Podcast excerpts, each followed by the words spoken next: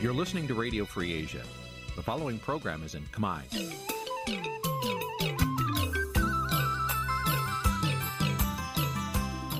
Nǐ chi càm bi tiệp xáy vệt chiu a zì sê ray នេះជាកម្មវិធីផ្សាយរបស់ Vithu Azisari ជាភាសាខ្មែរ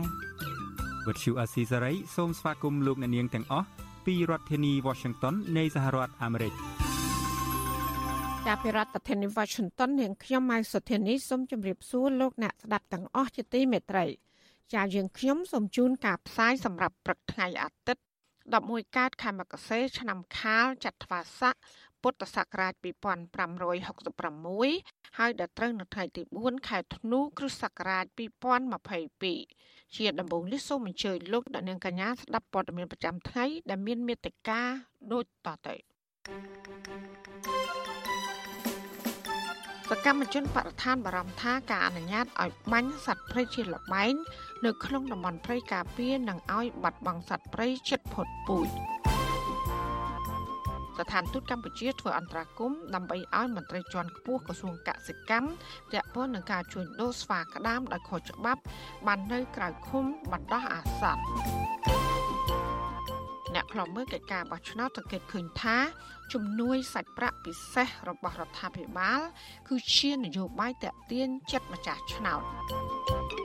សង្គមស៊ីវិលចង់ឃើញរដ្ឋាភិបាលលុបបំបាត់អំពើពុករលួយ ស្របពេលអត្រាភាពក្រីក្របានកើនឡើងជាង4សែននាក់ចាស់ហើយនឹងព័ត៌មានសំខាន់សំខាន់មួយចំនួនទៀតជាបន្តទៅទៀតនេះនាងខ្ញុំម៉ៃសុធានីសូមជូនព័ត៌មានទាំងនោះពឺស្ដាប់ចាលោកនានីជាទីមេត្រីមន្ត្រីសង្គមស៊ីវិលនិងសកម្មជនបរិស្ថាន ប្រតិកម្មចំពោះការអនុញ្ញាតឲ្យមានកីឡាប្រមាញ់បរបាញ់សត្វព្រៃ សម្រាប់ការកំសាន្តនៅក្នុងតំបន់ព្រៃអភិរក្សហើយដែលនាំឲ្យមហន្តរាយដល់ជីវិតសត្វព្រៃជិតផុតពូជពីព្រោះកម្ពុជាពុំមែនជាប្រទេសសម្បូរសត្វព្រៃនោះឡើយការលើកឡើងនេះនៅបន្ទាប់ពីក្រសួងបរិស្ថានកំពុងរៀបចំសេចក្តីព្រាងច្បាប់ស្តីពីតំបន់ការពារធម្មជាតិថ្មីដែលនៅក្នុងច្បាប់នេះក្រសួងបរិស្ថានមានសិទ្ធិអនុញ្ញាតឲ្យមានកីឡាប្រមាញ់សម្ដៅលើការបរបាញ់សត្វព្រៃនៅក្នុងតំបន់ព្រៃការពារធម្មជាតិ ចាប់ពីរដ្ឋធានី Washington លោកយុនសាមៀនរាយការណ៍ព័ត៌មាននេះសកម្មជនចលនាមេដាធម្មជាតិលោកលីច័ន្ទដារាវុធយល់ឃើញថារដ្ឋាភិបាលគួរពង្រឹងការអនុវត្តច្បាប់ការពារធនធានធម្មជាតិដែលមានស្រាប់ជាជាងបង្កើតច្បាប់ថ្មីដែលនាំឲ្យខាតថវិកាជាតិ ព្រោះសេចក្តីព្រាងច្បាប់ស្តីពីតំបន់ការពារធនធានធម្មជាតិថ្មីនេះមិនសូវខុសពីច្បាប់ស្តីពីតំបន់ការពារធនធានធម្មជាតិដែលបានដាក់ចេញឲ្យអនុវត្តកាលពីឆ្នាំ2008ឡើយជាមួយគ្នានេះលោកបន្ថែមថាសប្តាហ៍ថ្ងៃនេះសត្វព្រៃជិតផុតពូជកំពុងតែប្រឈមនឹងការបរបាញ់និងដាក់អន្ទាក់ដោយខុសច្បាប់យ៉ាងអនាធបត័យដូច្នេះរដ្ឋាភិបាលមិនត្រូវឲ្យមានការបរបាញ់សត្វព្រៃคล้ายជាអំពើស្របច្បាប់នោះឡើយ ព្រោះវានឹងធ្វើឲ្យសត្វព្រៃជិតផុតពូជទាំងនោះដាច់ពូជទាំងស្រុងពីពិភពលោកខ្ញុំមិនគ្រប់គ្រងឲ្យមានកីឡាប្រមាញ់ទេហើយខ្ញុំលើកទឹកចិត្តថាក្រសួងបរិស្ថានគួរតែគិតគូរម្ដងទៀតនៅលើចំណុចនេះហើយគួរតែដកវាចេញទៅចំពោះកីឡាប្រមាញ់ហ្នឹងវាមិនចាំបាច់នៅក្នុងស្រុកយើងហើយក៏វាមិនតាក់ទាញភ្ញៀវទេសចរមិនតាក់ទាញចំណូលជាតិអីប្រហែលមកស្រុកខ្មែរទេព្រោះខ្ញុំកម្រឃើញទេសចរមកស្រុកខ្មែរដោយសារកីឡាប្រមាញ់ហើយក៏មិនដែលឃើញប្រទេសណាមានការកើនឡើងនៃភ្ញៀវទេសចរដោយសារកីឡាប្រមាញ់ដែរ សេចក្តីព្រាងច្បាប់ថ្មីស្តីពីតំបន់ការពារធម្មជាតិដែលវិទ្យុអាស៊ីសេរីទើបទទួលបានកាលពីពេលថ្មីថ្មីនេះមានសរុប13ជំពូកនិង74មាត្រាសេចក្តីព្រាងច្បាប់នេះបានផ្ដល់សិទ្ធិផ្ដាច់មុខដល់ក្រសួងបរិស្ថានដើម្បីចាត់ចែងការពារធនធានធម្មជាតិទាំងអស់នៅក្នុងប្រទេសក្នុងនោះត្រង់មាត្រា32នៃសេចក្តីព្រាងច្បាប់នេះចែងថា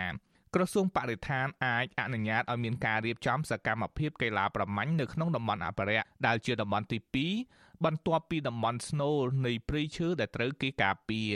សេចក្តីព្រាងច្បាប់បញ្ជាក់ថាកីឡាប្រមាញ់គឺសំដៅដល់ការបរបាញ់សត្វព្រៃសម្រាប់កំសាន្តនៅក្នុងតំបន់ការពារធម្មជាតិដែលមានគោលការណ៍កំណត់ និងការអនុញ្ញាតពីក្រសួងបរិស្ថានការបង្កើតសេចក្តីព្រាងច្បាប់ថ្មីដែលអនុញ្ញាតឲ្យមានកីឡាប្រមាញ់ឬការបរបាញ់សត្វព្រៃជាការកំសាន្តនេះគឺហាក់ដូចជាការជួយបំពេញបំណងឲ្យបុគ្គល ដែលមានលុយនិងមានអំណាចឬកូនចៅមន្ត្រីកម្ពូលកម្ពូលមួយចំនួន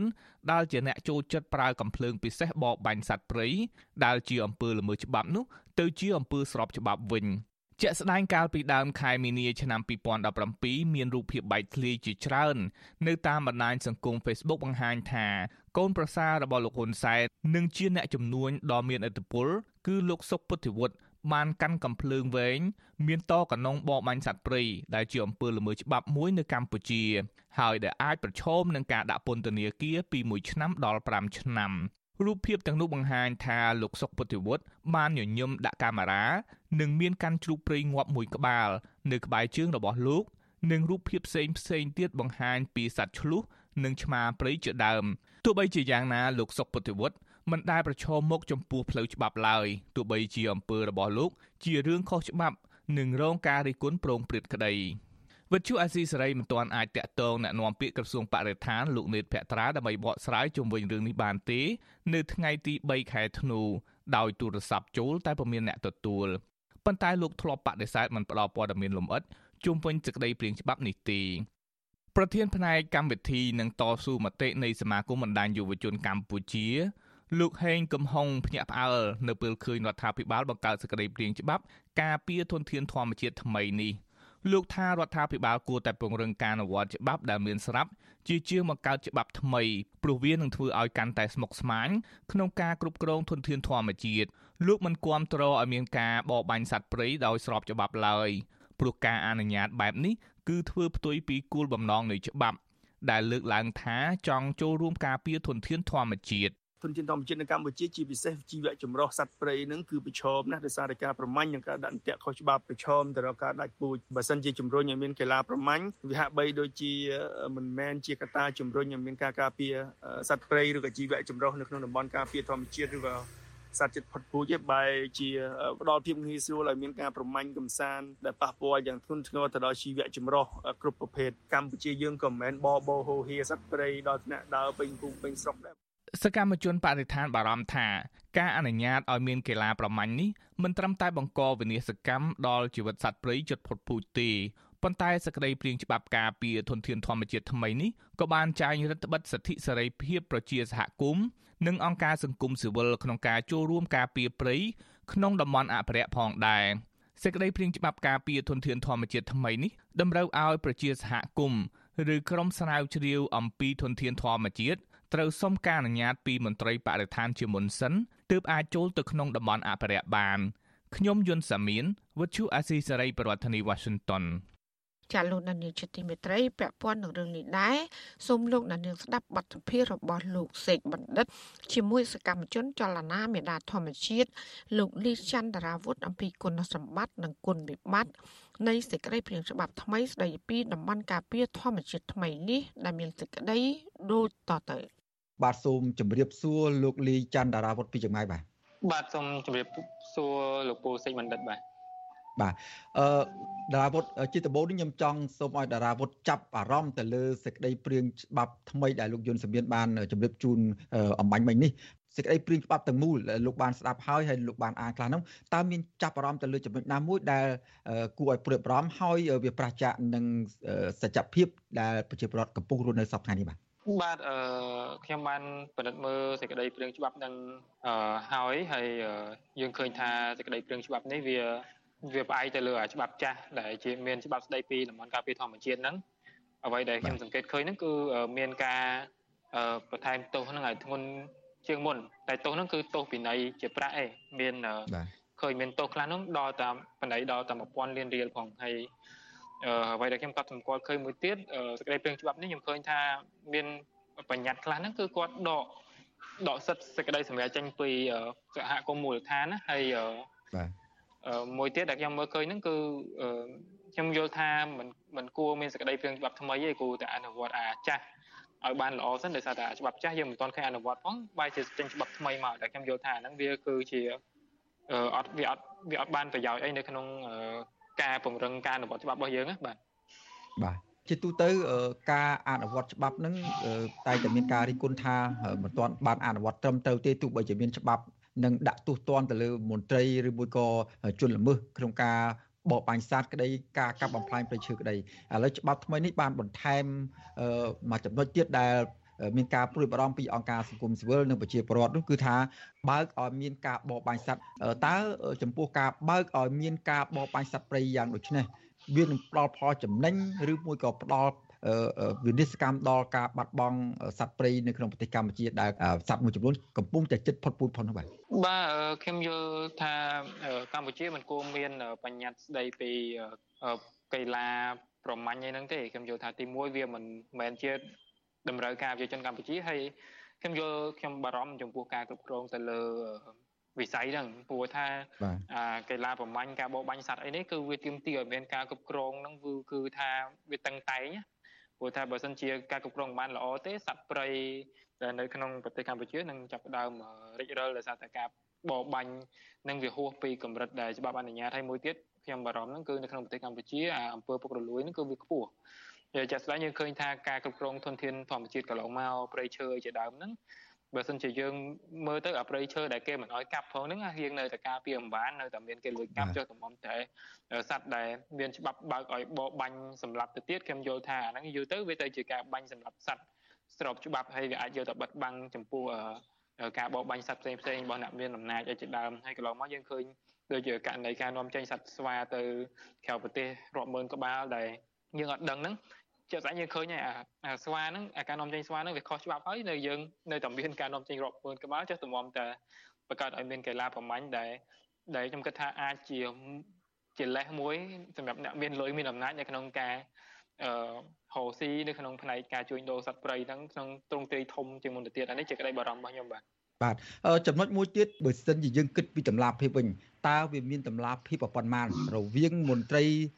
ថ្នាក់ធំកូនអ្នកមានអំណាច មានលុយមានកាក់និងប្រជាពលរដ្ឋសាមញ្ញធម្មតាដែលពួកគាត់មួយចំនួនដែលធ្លាប់បកករបរចិញ្ចឹមជីវិតតាំងពីដូនតាហៅថាព្រានព្រៃនោះពេលបច្ចុប្បន្នពួកគាត់មិនសូវមានលទ្ធភាពនៅក្នុងការបកករបរនេះទេតើសេចក្តីព្រាច្បាប់នេះអាចតម្រូវដល់ប្រជាពលរដ្ឋបើឲ្យពួកគាត់បរបាញ់សត្វ ឬមួយក៏តម្រូវតែលើកូនអ្នកធំមួយចំនួនដែលចូលចិត្តដើរបរបាញ់សត្វកំសាន្តលេងនៅពេលថ្ងៃឈប់សម្រាកនោះទេដូចជាយើងបានឃើញបណ្ដាញសង្គម Facebook រិះគន់ជាច្រើនកន្លងមកគឺសំដៅទៅលើកូនអ្នកធំមួយរូបគឺលោក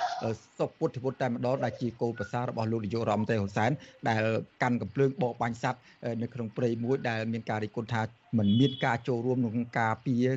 អភិរក្សសត្វព្រៃប៉ុន្តែ ជាការជំរុញនិងគ្រប់គ្រងឲ្យមានការបរបាញ់សត្វព្រៃទៅវិញនោះបាទបាទអាហ្នឹងគឺជាក្តីបារម្ភរបស់ខ្ញុំដែលដូចខ្ញុំបាននិយាយមុនហ្នឹងចឹងអ្វីដែលខ្ញុំបារម្ភហ្នឹងគឺបញ្ហាតម្លាភាពនៅក្នុងការគ្រប់គ្រងវិស័យមួយហ្នឹងហើយអ្វីដែលយើងឃើញកន្លងមកគឺអាញាធរគឺគាត់គ្រប់គ្រងធនធានធម្មជាតិបានល្អហើយហើយថែមទាំងចូលរួមនៅក្នុងការកាប់បំផ្លាញព្រៃឈើការបរបាញ់សត្វហើយចាស់ស្ដែងយើងឃើញថាមន្ត្រី ដែលមានទូនាទីក្នុងការការពារសត្វព្រៃហ្នឹងបែរជាយកសត្វព្រៃទៅលក់ទៅវិញហើយអាហ្នឹងហើយដែលជាដែលដែលជាឧទាហរណ៍យើងឃើញស្រាប់អំពីភាពមិនប្រក្រតីដែលយើងបារម្ភថានឹងអាចកើតមានឡើងហើយមួយទៀត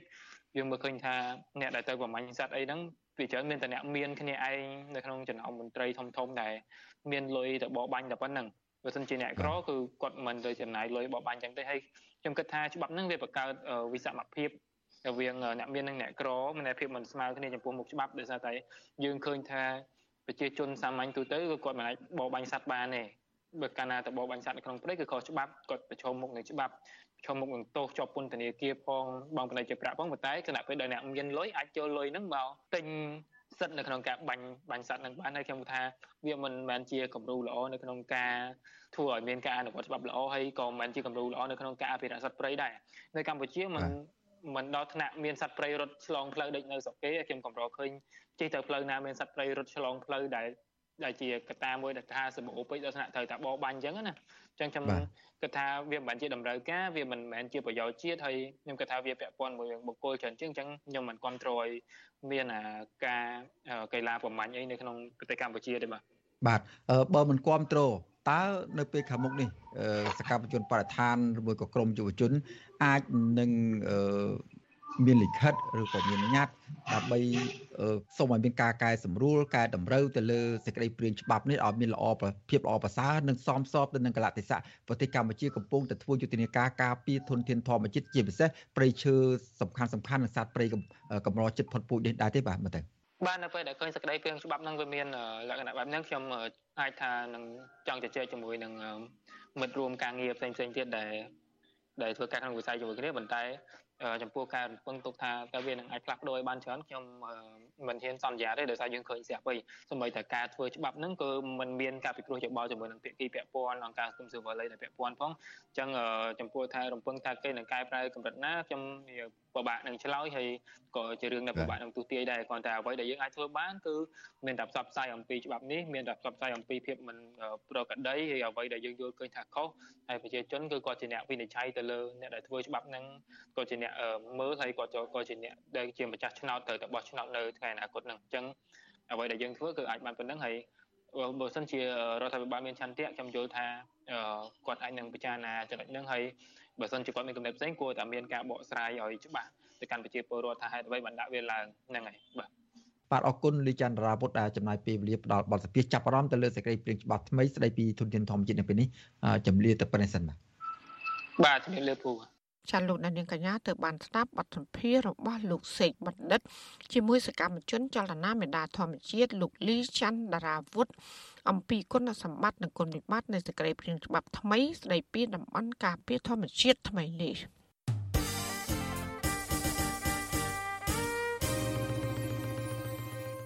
ជាលោកនាងកញ្ញាកំពុងស្ដាប់ការផ្សាយរបស់វិទ្យុអសីស្រីផ្សាយចេញពីរដ្ឋធានី Washington ពាក់ព័ន្ធនឹងមន្ត្រីជាន់ខ្ពស់ក្រសួងកសិកម្មជួយដូរស្វាក្តាមដោយខុសច្បាប់វិញឯកអគ្គរដ្ឋទូតកម្ពុជាប្រចាំនៅសហរដ្ឋអាមេរិកបានស្នើទៅតុលាការអាមេរិកសូមឲ្យមន្ត្រីជាន់ខ្ពស់រូបនេះអាចផ្ទេរមកនៅមន្ទីរឃុំឃាំងរបស់ស្ថានទូតប្រចាំរដ្ឋធានី Washington តើមន្ត្រីអង្គការឃ្លាំមើលសិទ្ធិមនុស្សអន្តរជាតិយល់ឃើញដោយម្ដេចខ្លះចំពោះសំណើនេះ សូមលោកដានៀងកញ្ញារងចាំស្ដាប់សេចក្តីរាយការណ៍ពិស្ដាអំពីរឿងនេះនៅក្នុងការផ្សាយរបស់យើងនាពេលបន្តិចទៀតនេះចាលោកដានៀងកញ្ញាកំពុងស្ដាប់ការផ្សាយរបស់វិទ្យុអសីសេរីផ្សាយចេញពីរដ្ឋធានី Washington ជាដំណើរគ្នានឹងស្ដាប់ការផ្សាយរបស់វិទ្យុអសីសេរីតាមបណ្ដាញសង្គម Facebook និង YouTube លោកអ្នកនាងកញ្ញាក៏អាចស្ដាប់ការផ្សាយរបស់វិទ្យុអសីសេរី តាមរយៈរលក ធាតុអាកាសខ្លីឬ short wave តាមកម្រិតនិងកម្ពស់ដូចតទៅចាប់ពេលព្រឹកចាប់ពីម៉ោង5កន្លះដល់ម៉ោង6កន្លះតាមរយៈប៉ុស SW 9.39 MHz ស្មើនឹងកម្ពស់ 32m និងប៉ុស SW 11.85 MHz ស្មើនឹងកម្ពស់ 25m ចាសម្រាប់ពេលយប់វិញចាប់ពីម៉ោង7កន្លះដល់ម៉ោង8កន្លះតាមរយៈប៉ុស SW 9.39 MHz ស្មើនឹងកម្ពស់ 32m ប៉ុស SW 11.88 MHz ស្មើនឹងកម្ពស់ 25m និងប៉ុស SW 15.15 MHz ស្មើនឹងកម្ពស់ 20m ចាសសូមអរគុណ ចាលោកដានីយជាទីមេត្រីដែលឡាយតាក់ទងនឹងការឃុំខ្លួនមេសហជីពវិញមន្ត្រីសិទ្ធិមនុស្សជំរុញដល់តុលាការក្រុងភ្នំពេញពន្លឿននីតិវិធីលើបណ្ដឹងសំណើក្រៅឃុំបណ្ដោះអាសន្នរបស់មេធាវីការពារក្តីរបស់កញ្ញាឈឹមស៊ីធឲ្យមានសេរីភាពឡើងវិញដើម្បីបញ្ជាការរិះគន់និងការថ្កោលទោសពីសំណាក់ថាគុំជាតិនិងអន្តរជាតិ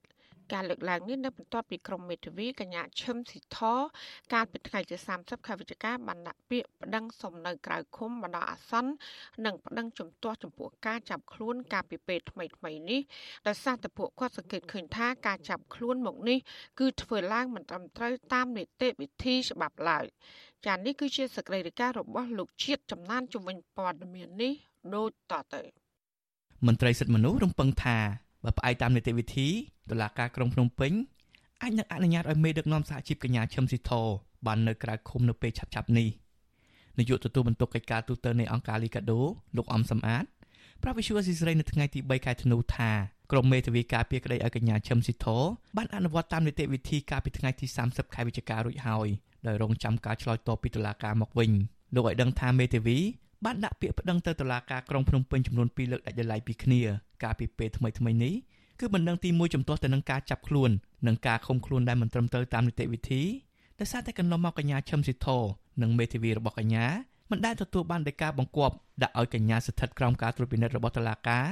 ឬមិនអនុញ្ញាតឲ្យកញ្ញាធ្វើដំណើរទៅក្រៅប្រទេសនោះទេលោកបន្តថាពាក្យបណ្ដឹងមួយទៀតស្នើសុំឲ្យតុលាការដោះលែងកញ្ញាឲ្យនៅក្រៅឃុំបណ្ដោះអាសន្នហើយចៅក្រមស៊ើបសួរមានរយៈពេល5ថ្ងៃសម្រាប់ការឆ្លើយតប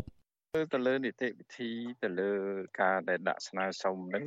វាគ្រប់គ្រាន់ហើយក្នុងការអាចនឹងដោះលែងកញ្ញាឈឹមស៊ីធ ប៉ុន្តែអានឹងវាជានីតិវិធីរបស់មេធាវីនិងតុលាការតែយើងជាអង្គការសង្គមស៊ីវិលយើងឃើញហើយក្រោយពីការចាប់ខ្លួនមកគឺអង្គការសង្គមស៊ីវិលចំនួន69ហើយតែប្រកាន់ចំហគឺការទៀមទាឲ្យដោះលែងកញ្ញាឈឹមស៊ីធដោយអត់លក្ខខណ្ឌហើយសូមទម្លាក់ចោលបទចោលប្រកាន់ទាំងឡាយទៅលើមេដឹកនាំសហជីពឡងមកហ្នឹងទាំងរួមទាំងកញ្ញាឈឹមស៊ីធហ្នឹង ហើយងាកបន្តទៅរកការដោះស្រាយបញ្ហាវិវាទការងាររវាងក្រុមហ៊ុន Nagavel ជាមួយនឹងកោតក្រលោកអំសមត្ថបានដឹងថាស្ថានភាពកញ្ញាឈឹមស៊ីធនៅក្នុងពន្ធនាគារគឺរឹងមាំដដែលតែកញ្ញាពិបាកនឹងសម្រានដែលអាចប៉ះពាល់ដល់សុខភាពនៅពេលខាងមុខវិសុអាស៊ីសេរីមិនអាចតាក់ទងប្រធានសាលាដំបងរាជធានីភ្នំពេញលោកតាំងសុនឡាយដើម្បីបញ្ជាក់ជុំវិញរឿងនេះបានទេ នៅថ្ងៃទី3ខែធ្នូមេដឹកនាំសហជីពកញ្ញាឈឹមស៊ីធ ត្រូវបានអាជ្ញាធរចាប់ឃុំខ្លួនជាលើកទី2កាលពីព្រឹកថ្ងៃទី26ខែវិច្ឆិកានៅព្រលានយន្តហោះអន្តរជាតិភ្នំពេញក្រោយពេលដែលកញ្ញាវិលត្រឡប់ពីការចូលរួមកិច្ចប្រជុំសហជីពអន្តរជាតិនៅប្រទេសអូស្ត្រាលីបន្ទាប់មកតុលាការក្រុងភ្នំពេញបានចេញលិខិតបកស្រាយកាលពីថ្ងៃទី29ខែវិច្ឆិកាថាការចាប់ខ្លួនកញ្ញាឈឹមស៊ីធព្រោះកញ្ញាបានចាក់ចេញពីកម្ពុជាដោយគ្មានការអនុញ្ញាតពីចៅក្រមស៊ើបសួរដែលជាការបំពានកាតព្វកិច្ចនៃការត្រួតពិនិត្យតាមផ្លូវតុលាការប៉ុន្តែកញ្ញាឈឹមស៊ីធនិងមេធាវីអះអាងថា ពួកគាត់មិនដែលដឹងអំពីលក្ខខណ្ឌរបស់តុលាការនេះទេហើយមុនពេលចាក់ចេញពីកម្ពុជាទៅក្រៅប្រទេសនោះសមត្ថកិច្ចដែលត្រូវត្រួតពិនិត្យឯកសារឆ្លងដែនក៏មិនបានហាមឃាត់កញ្ញានោះដែរតំណាងគឧតកោ Nangawal កញ្ញាម៉ែនសុធីវឌ្ឍនៈរិះគន់ការប្រើប្រាស់ប្រព័ន្ធតុលាការដើម្បីចាប់ខ្លួនកញ្ញាឈឹមស៊ីធនិងដាក់សម្ពាធដល់ក្រុមគឧតកោដែលប្រើប្រាស់សិទ្ធិសេរីភាពដោយសន្តិវិធីគឺជារឿងអយុត្តិធម៌បន្ថែមទៀតដែលអាជ្ញាធរបណ្ដោយឲ្យតកែបរទេសកេងប្រវ័ញ្ចកម្មករខ្មែរតាមតែអំពើចិត្ត កញ្ញាបញ្ជាក់ថាបើទោះបីគឧតកោរងទុកបុកម្នេញគម្រាមកំហែងគ្រប់រូបភាពក៏ដោយក៏ក្រុមគឧតកោនៅតែរក្សាជំហរចេញតវ៉ានិងទាមទារឲ្យម្ចាស់ក្រុមហ៊ុន Nagawal ចេញមុខដោះស្រាយបញ្ហាវិវាទការងារតាមច្បាប់ដដែលទន្ទឹមនឹងនេះកញ្ញាឲ្យដឹងថាគឧតកោកំពុងនាំគ្នាធ្វើយន្តការលើបណ្ដាញសង្គម Facebook ដោយបង្ហោះសារឬចែករំលែករូបថតកញ្ញាឈឹមស៊ីធដើម្បីទាមទារយុត្តិធម៌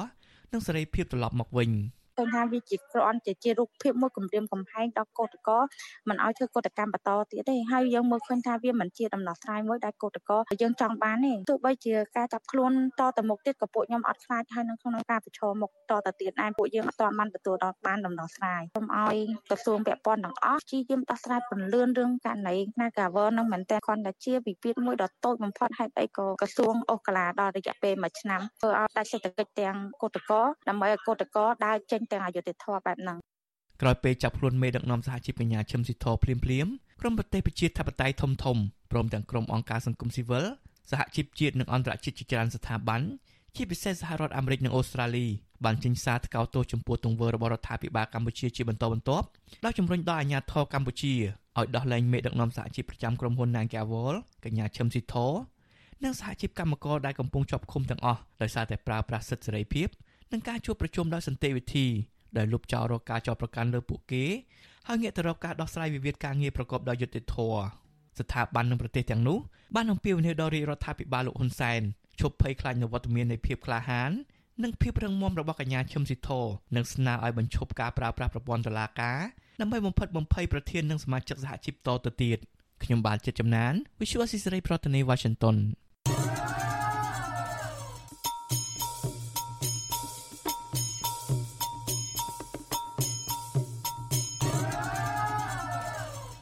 ចាលោកនានីជាទីមេត្រីនៅសល់ប្រមាណ5ថ្ងៃទៀត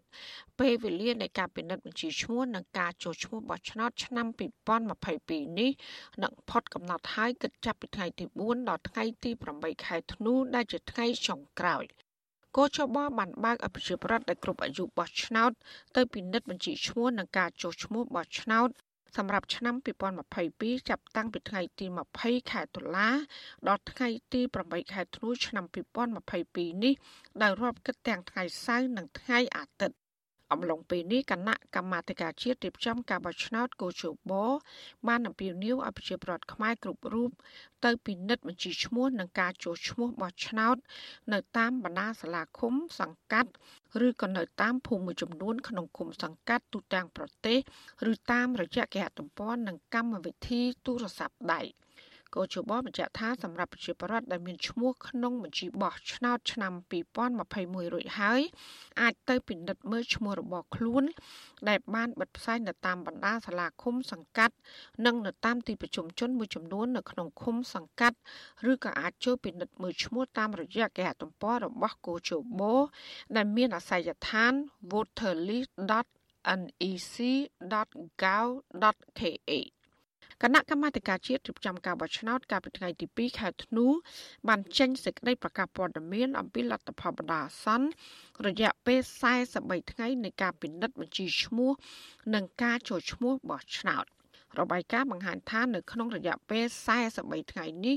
មានប្រជាពលរដ្ឋចំនួន529,925នាក់បានទៅពិនិត្យនិងចុះឈ្មោះបោះឆ្នោតថ្មី។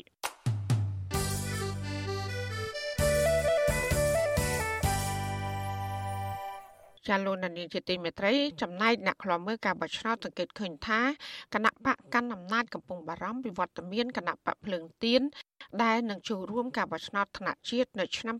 2023ខាងមុខពួកគាត់មើលឃើញថាការភ័យខ្លាចនេះបង្ហាញឲ្យឃើញតាមរយៈសកម្មភាពរបស់ប្រធានគណៈបកប្រជាជនកម្ពុជា ក្នុងការជួបប្រជុំគ្នារៀបចំប្រព័ន្ធគ្រប់គ្រងផ្សេងៗ និងស្វែងរកការគ្រប់គ្រងពីសមាជិករបស់ខ្លួនដែលខុសពីពេលបោះឆ្នោតអាណត្តិមុនមុនសមាជិកគណៈបកប្រជាជនកម្ពុជាក្នុងខេត្តកណ្ដាលនៅថ្ងៃទី3ខែធ្នូនេះបានជួបប្រជុំជាមួយប្រធានគណៈបកគឺលោកនាយករដ្ឋមន្ត្រីហ៊ុនសែនដើម្បីពិភាក្សាការងារសម្រាប់ការស្វែងរកសញ្ញាឆ្នោតគ្រប់គ្រងនៅឆ្នាំ2023ខាងមុខ ក៏ប៉ុន្តែមន្ត្រីសង្គមស៊ីវិលលើកឡើងថាការជួបប្រជុំនេះអាចបណ្ដាលមកពីប្រជាប្រិយភាពរបស់គណៈបកប្រឆាំងនាយកប្រតិបត្តិអង្គការ Nifex លោកសំគុណធីមី ប្រាប់វិទ្យុស៊ីស្រីនៅថ្ងៃទី3ខែធ្នូថាការជួបជុំគ្នារបស់គណៈបកកណ្ដាលអំណាចនៅពេលនេះហាក់មានភាពមិនប្រក្រតីបើធៀបទៅនឹងការបោះឆ្នោតនៅអាណត្តិមុនមុនហើយដែលគណៈបកមួយនេះធ្លាប់តែមិនសូវខ្វល់ខ្វាយ លោកថាគណៈបកប្រជាជនកម្ពុជាប្រហែលជាមានការព្រួយបារម្ភចំពោះការប្រកួតប្រជែងគ្នាជាមួយគណៈបកភ្លើងទៀនដែលកំពុងទទួលបានការគ្រប់គ្រងយ៉ាងច្រើនពីប្រជាពលរដ្ឋនិងពីសមាជិកសំខាន់ជាពលរដ្ឋនិងអ្នកបោះឆ្នោតមើលកម្មវិធីនយោបាយគណៈបកដែលដាក់ចេញមកដែលគ្រោងនឹងដាក់ចេញកាលណាគេឃើញកម្មវិធីនយោបាយល្អជួយដល់កសិករជួយវិលជីវជាធម្មតាសិទ្ធិរបស់ហ្នឹងគេក៏ពេញចិត្តដែរណា នៅក្នុងពិធីសម្ដែងសម្ដាលជាមួយសមាជិកខេត្តកណ្ដាលលោកនាយករដ្ឋមន្ត្រីហ៊ុនសែនបានប្រាប់អាជ្ញាធរខេត្តនេះឲ្យប្រញាប់ដោះស្រាយបញ្ហាចំនួនដីធ្លីជូនប្រជាពលរដ្ឋដោយឈលលើភាពត្រឹមត្រូវនិងតម្លាភាពជាពិសេសគឺជ្រើសយកយន្តការដោះស្រាយបញ្ហាក្រៅប្រព័ន្ធតុលាការដោយប្រកាន់យកនយោបាយឈ្នះឈ្នះ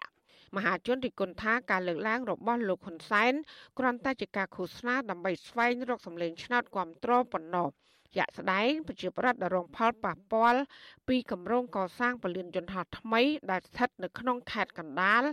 នៅតែទទួលរងភាពអយុត្តិធម៌បើទោះបីជាពួកគេ បាននាំគ្នាតវ៉ាទាមទាររកដំណោះស្រាយជាច្រើនលើកហើយក្តី។ ក្នុងនោះប្រជាប្រដ្ឋរងគ្រោះជាច្រើនអ្នកត្រូវបានតឡាការខេត្តនេះចាប់ខ្លួនគំរាមកំហែងនិងដាក់ពន្ធនាគារយ៉ាងអយុត្តិធម៌ដើម្បីការពារផលប្រយោជន៍ឲ្យក្រុមហ៊ុន OCIC របស់អង្គការពងខៀវសែឆ្លើយតបរឿងនេះអ្នកនាំពាក្យគណៈបកប្រជាជនកម្ពុជាលោកសុកអេសាន ថាការជួបសម្ដែងសម្ដាររវាងលោកនាយករដ្ឋមន្ត្រីហ៊ុនសែនជាមួយសមាជិកគណៈបក គឺមានជាយូរយារមកហើយហើយក៏បានធ្វើឡើងជាមួយមន្ត្រីគ្រប់ថ្នាក់គ្រប់ខេត្តទាំងអស់លោកថាគណៈបកប្រជាជនកម្ពុជាគ្មានការព្រួយបារម្ភអ្វីបន្តិចនោះឡើយក្នុងការប្រកួតប្រជែងជាមួយគណៈបកប្រឆាំងនៅពេលបោះឆ្នោតថ្នាក់ជាតិខាងមុខហើយមន្ត្រីណាដែលរួចផុតដែលមានសម្បត្តិធ្វើនយោបាយអាហ្នឹងគឺសិទ្ធិរបស់គាត់គាត់ចង់ចូលឯណាចូលរបស់គាត់ទៅអាហ្នឹងជារឿងគាត់ទេវាគ្មានអីប្លែកទេព្រោះនៅក្នុងចង្កោមអ្នកចាញ់បដែលតា មិនចឹងវាចេញពីសង្គ្រោះជាតិនឹងហើយហើយសុទ្ធតែអ្នកចាញ់សង្គ្រោះជាតិនឹងម្នាក់ចាញ់ហើយវាបែកពីសង្គ្រោះជាតិមកឥឡូវមករួមគ្នាវិញអាហ្នឹងវានៅអ្នកចាញ់បូកអ្នកចាញ់តាមានអីគួរឲ្យព្រួយបារម្ភតកតិនរឿងនេះអ្នកសិក្សាផ្នែកច្បាប់លោកវ៉ាន់ច័ន្ទលូតលើកឡើងថាវត្តមានគណៈបកភ្លើងទៀនគឺជាការព្រួយបារម្ភមួយរបស់គណៈបកកាន់អំណាចពីព្រោះគណៈបកប្រឆាំងដ៏មានប្រជាប្រិយភាពមួយនេះនឹងកែប្រែសភាឯកបក ឲ្យคล้ายជាសភាពហុបកវិញ។បន្ថែមពីនេះលោកមើលឃើញថាយន្តការនិងគោលនយោបាយនៃការដោះស្រាយបញ្ហារបស់គណៈបកកណ្ដាលអំណាចកន្លងមកនេះគឺមិនសូវមានប្រសិទ្ធភាពនោះឡើយហើយដែលបញ្ហានេះធ្វើឲ្យគណៈបកមួយនេះកាន់តែមានការព្រួយបារម្ភពីការបាត់បង់ប្រជាប្រិយភាពរបស់ខ្លួន។ លោកបន្តថាការចាក់ស្រេះអំពើពុករលួយនៅក្នុងសង្គមកម្ពុជា ការបែងចែកអំណាចនិងភាពយឺតយ៉ាវនៃការអភិវឌ្ឍប្រទេសជាតិក៏ជាកត្តាធ្វើឲ្យបាត់បង់សម្លេងឆ្នោតគ្រប់គ្រងរបស់គណៈបកកណ្ដាលអំណាចមួយកម្រិតបន្ថែមទៀតតំណាងសម្លេងពាក្យតិចទៅហើយដែលវាអាចជាមូលដ្ឋានធ្វើឲ្យជាបរដ្ឋអាចមានឱកាសនៅក្នុងការបញ្ចេញមតិឬក៏អាចមាននៅតំណាង ស្របតាមឆន្ទៈរបស់ខ្លួននៅក្នុងសភាទី1ទី2អាចនឹងធ្វើឲ្យលំហប្រជាធិបតេយ្យសិទ្ធិសេរីភាពជាជាពិសេសគឺសិទ្ធិផ្នែកនយោបាយហើយនិងការបញ្ចេញមតិហ្នឹងវាអាចនឹងមានភាពល្អប្រសើរច្រើនការបោះឆ្នោតថ្នាក់ជាតិជ្រើសតាំងតំណាងរាស្ត្រសម្រាប់នេតការទី7នៃរដ្ឋសភានឹងប្រព្រឹត្តទៅនៅថ្ងៃអាទិត្យទី23ខែកក្កដាឆ្នាំ2023ខាងមុខ ទោះបីលោកនាយករដ្ឋមន្ត្រីហ៊ុនសែនលើកឡើងបែបនេះក្តីក៏ប៉ុន្តែការអនុវត្តជាក់ស្ដែងតុលាការនៅតែបន្តផ្តន្ទាទោសអ្នកនយោបាយប្រឆាំងសកម្មជនបរិស្ថានសិទ្ធិមនុស្សសហជីពនិងសកម្មជនដីធ្លីជាដើមឲ្យជាប់ពន្ធនាគារពីបទចោទប្រកាន់មួយចំនួន ដោយគ្មានភស្តុតាងត្រឹមត្រូវនិងផ្អែកលើមូលដ្ឋានច្បាប់ច្បាស់លាស់ជាក់ស្ដែងកាលពីថ្ងៃទី11ខែវិច្ឆិកាកន្លងមកនេះតឡាការក្រុងភ្នំពេញបានចេញដីការរឹបអូសផ្ទះលោកសុនឆៃដែលជាអនុប្រធានគណៈបកភ្លើងទៀនចំនួន2កន្លែងគឺនៅរាជធានីភ្នំពេញនិងនៅខេត្តសៀមរាបក្នុងសំណុំរឿងបរិហាកេ2ដែលប្តឹងដោយគណៈបកប្រជាជនកម្ពុជា និងគណៈកម្មាធិការជាតិរៀបចំការបោះឆ្នោតក្នុងសំណុំរឿងនេះមន្ត្រីសិទ្ធិមនុស្សមើលឃើញថាគឺជាការធ្វើទុកបុកម្នេញផ្នែកនយោបាយ ចាលោកនានីជាទីមេត្រីអ្នកតាមដានស្ថានភាពនយោបាយនិងមន្ត្រីអង្គការសង្គមស៊ីវិលយកឃើញថាវិធានការគាំពៀសង្គមពិសេសដែលរដ្ឋាភិបាលលោកហ៊ុនសែនទើបតែដាក់ចេញថ្មីថ្មីនេះអាចជានយោបាយតេទៀនទឹកចិត្តប្រជាពលរដ្ឋសម្រាប់ការបោះឆ្នោតនៅឆ្នាំ2023ខាងមុខចាសសូមស្ដាប់សេចក្តីរាយការណ៍របស់លោកយ៉ងច័ន្ទតារាជំវិញព័ត៌មាននេះ បញ្ហាអតិផរណានិងគ្រោះទឹកជំនន់ដែលប៉ះពាល់ដល់ជីវភាពរស់នៅរបស់ប្រជាពលរដ្ឋនោះគឺជាបញ្ហាដែលកើតមានឡើងជាប្រចាំក៏ប៉ុន្តែនៅពេលជិតបោះឆ្នោតលោកនាយរដ្ឋមន្ត្រីហ៊ុនសែនស្រាប់តែងាកមកចាប់អារម្មណ៍រឿងនេះរហូតដាក់ចេញនូវកម្មវិធីឧបត្ថម្ភសាច់ប្រាក់ពិសេសអ្នកតាមដានស្ថានភាពនយោបាយលោកវ៉ាន់ចាន់ឡូតថ្លែងថានៅចំពោះមុខនេះរដ្ឋាភិបាលត្រូវដោះស្រាយរឿងទីផ្សារនិងតម្លៃកសិផលព្រមទាំងបង្កើតការងារឲ្យបានច្រើនសម្រាប់ប្រជាពលរដ្ឋ លោកយល់ថាការដាក់ចេញនូវកម្មវិធីផ្ដល់ជំនួយសាច់ប្រាក់នៅក្នុងពេលបញ្ហាចម្បងមិនទាន់ត្រូវបានដោះស្រាយបែបនេះគឺជានយោបាយតេទៀងទឹកចិត្តម្ចាស់ឆ្នោតទៅវិញទេក្នុងរយៈពេល3ឆ្នាំឬ4ឆ្នាំហ្នឹងគឺអ្នកនយោបាយហាក់ដូចជាមិនសូវអើពើប្រហែលទេលុះពេលដែលចិត្តដល់ការឃោសនាបោះឆ្នោតយើងឃើញចាប់ផ្ដើមមាននៅការផ្ដល់នេះការឧបត្ថម្ភនេះការជួយនេះការជួយនោះដែលវាអាចជួយនៅក្នុងការដោះស្រាយនៅរយៈពេលដ៏ខ្លីសម្រាប់ប្រជាពលរដ្ឋខ្មែរនឹងប៉ុន្តែដល់ទៅពេលទទួលបានការគ្រប់គ្រងហើយអាស្ថានភាពហ្នឹងវាវិលមកដូចសភាពដើមដដែលវាអត់មានអីប្រែប្រួលសម្រាប់ស្ថានភាពនៃការរស់នៅរបស់ពលរដ្ឋខ្មែរហ្នឹងឲ្យប្រសើរនោះទេប្រតិកម្មនេះកើតមានឡើងក្រោយពីលោកនាយរដ្ឋមន្ត្រីហ៊ុនសែនបានប្រកាសដាក់ចេញនូវកម្មវិធីផ្ដល់សាច់ប្រាក់ជូនដល់ប្រជាពលរដ្ឋ ដែលងាយរងគ្រោះពេលមានសម្ពាធអតិផរណាព្រមទាំងងាយរងហានិភ័យពីផលប៉ះពាល់ធ្ងន់ធ្ងរនៃគ្រោះទឹកជំនន់យោងតាមសារលិខិតរបស់លោកហ៊ុនសែនកាលពីថ្ងៃទី3ខែធ្នូគ្រួសារងាយរងហានិភ័យពីសម្ពាធអតិផរណាទទួលបានជំនួយទៅតាមតំបន់ហើយបូកបន្ថែមជាមួយសមាជិកគ្រួសារម្នាក់ម្នាក់នៅក្នុងនោះគ្រួសារនៅភ្នំពេញទទួលបានជំនួយជិត100000រៀលបូកបន្ថែមនឹងសមាជិកគ្រួសារម្នាក់ម្នាក់ចំនួន28000រៀល គ្រួសារនៅទីប្រជុំជនទទួលបានជិត90000រៀលនិងសមាជិកគ្រួសារបន្ថែម នៅក្នុងម្នាក់ជាង20000រៀលហើយគ្រួសារនៅទីជនបទវិញទទួលបានប្រមាណ80000រៀលនិងសមាជិកគ្រួសារក្នុងម្នាក់ម្នាក់ទទួលបាន20000រៀលបន្ថែមទៀតសម្រាប់អ្នកងាយរងហានិភ័យពីផលប៉ះពាល់ធ្ងន់ធ្ងរនៃគ្រោះទឹកជំនន់វិញកម្មវិធីនេះអនុវត្តនៅក្នុងរាជធានីខេត្តចំនួន16មានដូចជារាជធានីភ្នំពេញ ខេត្តកណ្ដាលខេត្តបាត់ដំបងនិងខេត្តព្រៃវែងជាដើមមួយគ្រួសារទទួលបានប្រាក់ឧបត្ថម្ភចំនួន80000រៀលបូកទាំងសមាជិកគ្រួសារក្នុងម្នាក់16000រៀលហើយកុមារជនពិការនិងមនុស្សចាស់ចាប់ពី60ឆ្នាំឡើង ទទួលបានប្រាក់ឧបត្ថម្ភម្នាក់16000រៀលបន្ថែមទៀតរបាយការណ៍របស់គណៈកម្មាធិការជាតិគ្រប់គ្រងគ្រោះមហន្តរាយឲ្យដឹងថាទឹកជំនន់នៅឆ្នាំនេះបង្កផលប៉ះពាល់ដល់ខេត្តចំនួន23 និងប៉ះពាល់ដល់ប្រជាពលរដ្ឋជិត150,000គ្រួសារដែលស្មើនឹងជិត7សែននាក់ទឹកជំនន់បានបំផ្លាញស្រូវនិងដំណាំរួមផ្សំអស់ជិត150,000ហិកតាប៉ះពាល់ផ្ទះប្រជាពលរដ្ឋជាង70,000ខ្នងសាលារៀនជិត400សាលា និងវត្តចំនួន113ហើយបានសម្លាប់ជីវិតមនុស្សចំនួន14នាក់ថែមទៀតតកតងទៅនឹងកម្មវិធីផ្ដល់សាច់ប្រាក់ពិសេសនេះវិញក្រសួងផែនការគឺជាអ្នកកំណត់អត្តសញ្ញាណគ្រួសារដែលត្រូវបានទទួលប្រាក់ឧបត្ថម្ភទាំងនេះ លោកហ៊ុនសែនបានដាក់បញ្ជាតាមសារលិខិតរបស់លោកថារដ្ឋបាលថ្នាក់ក្រោមជាតិត្រូវកំណត់អត្តសញ្ញាណនិងសម្របសម្រួលឲ្យប្រជាពលរដ្ឋគោលដៅទទួលបានប្រាក់ឧបត្ថម្ភទាំងនេះទាន់ពេលវេលា ហើយនឹងធានាបាននូវយុត្តិធម៌សុចរិតភាពនិងតម្លាភាពតកតងទៅនឹងរឿងនេះប្រធានសមាគមប្រជាធិបតេយ្យឯករាជ្យនិសេសកិច្ចក្រៅប្រព័ន្ធលោកវុនពៅជំរុញឲ្យអាជ្ញាធរពាក់ព័ន្ធអនុវត្តកម្មវិធីនេះដោយគ្មានការរើសអើងលោកថាកម្មវិធីផ្ដល់ប្រាក់ឧបត្ថម្ភនេះ អាចផ្ដល់ប្រយោជន៍ខ្លះដល់ប្រជាពលរដ្ឋក៏ប៉ុន្តែនេះក៏ជារូបភាពនៃការតាក់ទាញទឹកចិត្តប្រជាពលរដ្ឋនៅមុនការបោះឆ្នោតផងដែរវាជាពេលវេលាដែលគណៈបកកណ្ដាលអំណាចគាត់យកចិត្តពលរដ្ឋទៅទៅនឹងការបោះឆ្នោតនេះផងដែរចឹងហើយបានគេធ្វើរហូតដល់ខែកក្កដានឹងឯង ការយល់ឃើញរបស់ខ្ញុំគឺថារដ្ឋគួរតែមានយន្តការច្បាស់លាស់មួយតកតងទៅនឹងការឧបត្ថម្ភសាច់ប្រាក់ឬក៏រៀបចំប្រព័ន្ធយន្តការតកតងប្រព័ន្ធកិច្ចគាំពារសង្គមមួយឲ្យមានភាពរឹងមាំមានន័យថារៀបចំប្រព័ន្ធកិច្ចគាំពារសង្គមជាសកលតែម្ដងធនធានពិភពលោកបានចេញផ្សាយរបាយការណ៍ថ្មីមួយកាលពីថ្ងៃទី28វិច្ឆិកាថាប្រជាជនកម្ពុជាជិតកន្លះលាននាក់បានធ្លាក់ខ្លួនក្រីក្រ នៅក្នុងរយៈពេល2ឆ្នាំចុងក្រោយនេះ ក្រោយការផ្ទុះរាតត្បាតនៃជំងឺ Covid-19 ស្ថាប័នហិរញ្ញវត្ថុអន្តរជាតិមួយនេះបានផ្ដល់អនុសាសន៍ដល់រដ្ឋាភិបាលកម្ពុជាឲ្យដាក់ចេញនូវវិធានការអន្តរាគមន៍នានាដើម្បីគ្រប់គ្រងដល់ការស្ដារសេដ្ឋកិច្ចឡើងវិញ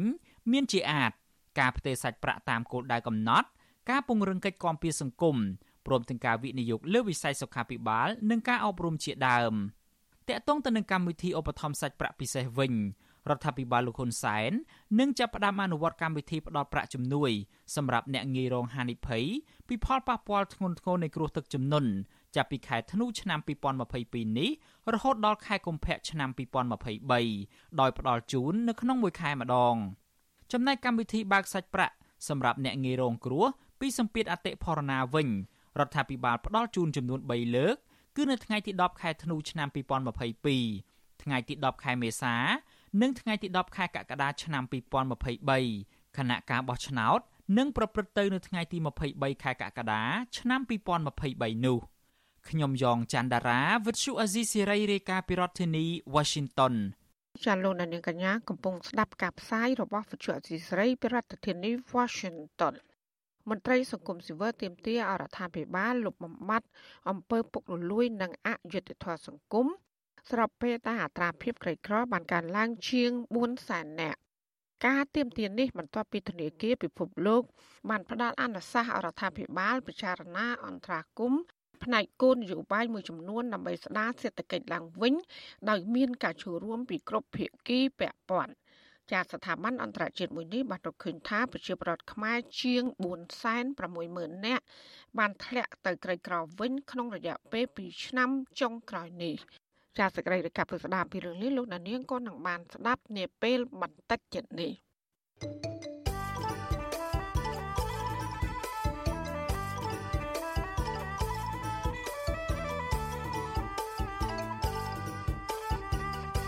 ចាលោកនានីជាទីមេត្រីអភិបាលក្រុងនៃសមាគមប្រជាជាតិអាស៊ីអាគ្នេយ៍អាស៊ាន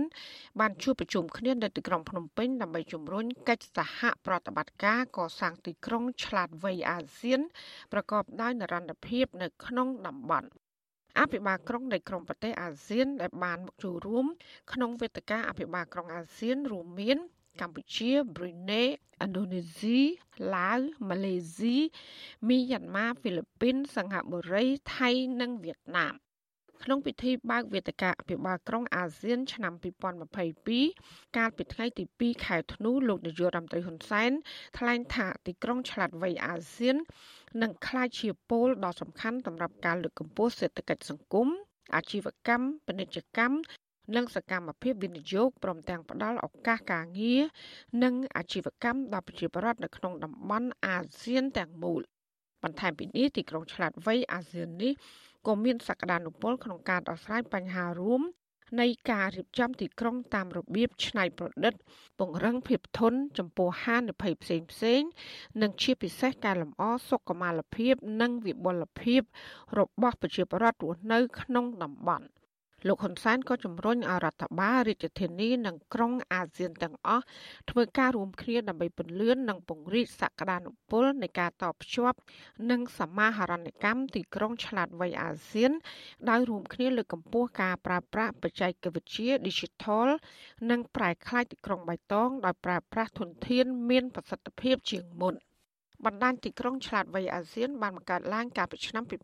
2018និងកំពុងរួមចំណែកដើម្បីសម្រេចបាននូវចក្ខុវិស័យសហគមន៍អាស៊ាន ឆ្នាំ2025និងរបៀបវារៈអង្គការសហប្រជាជាតិឆ្នាំ2030សម្រាប់ការអភិវឌ្ឍប្រកបដោយចីរភាព និងរបៀបវារៈទីក្រុងឆ្លាតវៃប្រកបដោយនិរន្តរភាព thank you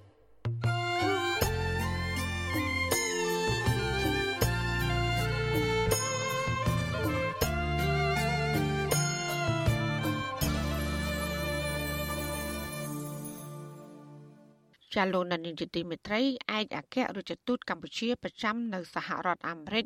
បានស្នើទៅតុលាការអាមេរិកសូមឲ្យមន្ត្រីជាន់ខ្ពស់ក្រសួងកសិកម្មដែលតុលាការសហរដ្ឋអាមេរិកចាត់ប្រកាន់ថាពាក់ព័ន្ធនឹងអំពើរត់ពន្ធសត្វស្វាអាចផ្ទេរទៅមន្ទីរឃុំឃាំងរបស់ស្ថានទូតកម្ពុជាប្រចាំនៅរដ្ឋធានី Washington ចាមន្ត្រីអង្គការឃ្លាំមើលសិទ្ធិមនុស្សអន្តរជាតិយល់ឃើញថា ដើម្បីបង្ការហានិភ័យការរត់គេចខ្លួន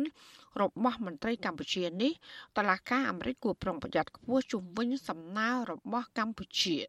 ចាសសូមលោកនាងស្ដាប់សេចក្តីរាយការណ៍ពិស្ដាររបស់លោកសេកបណ្ឌិតជុំវិញព័ត៌មាននេះដូចតទៅ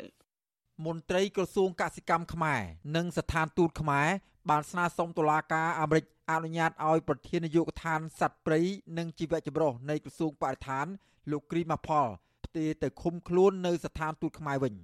ប្រធាននាយកដ្ឋានសត្វព្រៃនិងជីវៈចម្រុះនៃក្រសួងបរិស្ថានលោកគ្រីម៉ាផលត្រូវបានតុលាការអាមេរិកឃាត់ខ្លួននៅអាកាសយានដ្ឋានអន្តរជាតិ Kennedy នៅទីក្រុងញូវយ៉កកាលពីថ្ងៃទី16ខែវិច្ឆិកា ខណៈលោកកំពុងធ្វើដំណើរទៅធ្វើសន្និសីទនៅទីក្រុងប៉ាណាម៉ាស្ដីពីការជួញដូរខុសច្បាប់លើប្រភេទសត្វជិតផុតពូជលោកត្រូវបានរដ្ឋអាជ្ញាសហរដ្ឋអាមេរិកចោទប្រកាន់ពីបទជួញដូរសម្រួលដល់ការរត់ពន្ធសត្វស្វាក្តាមឬស្វាកន្ទុយវែងដែលជិតផុតពូជ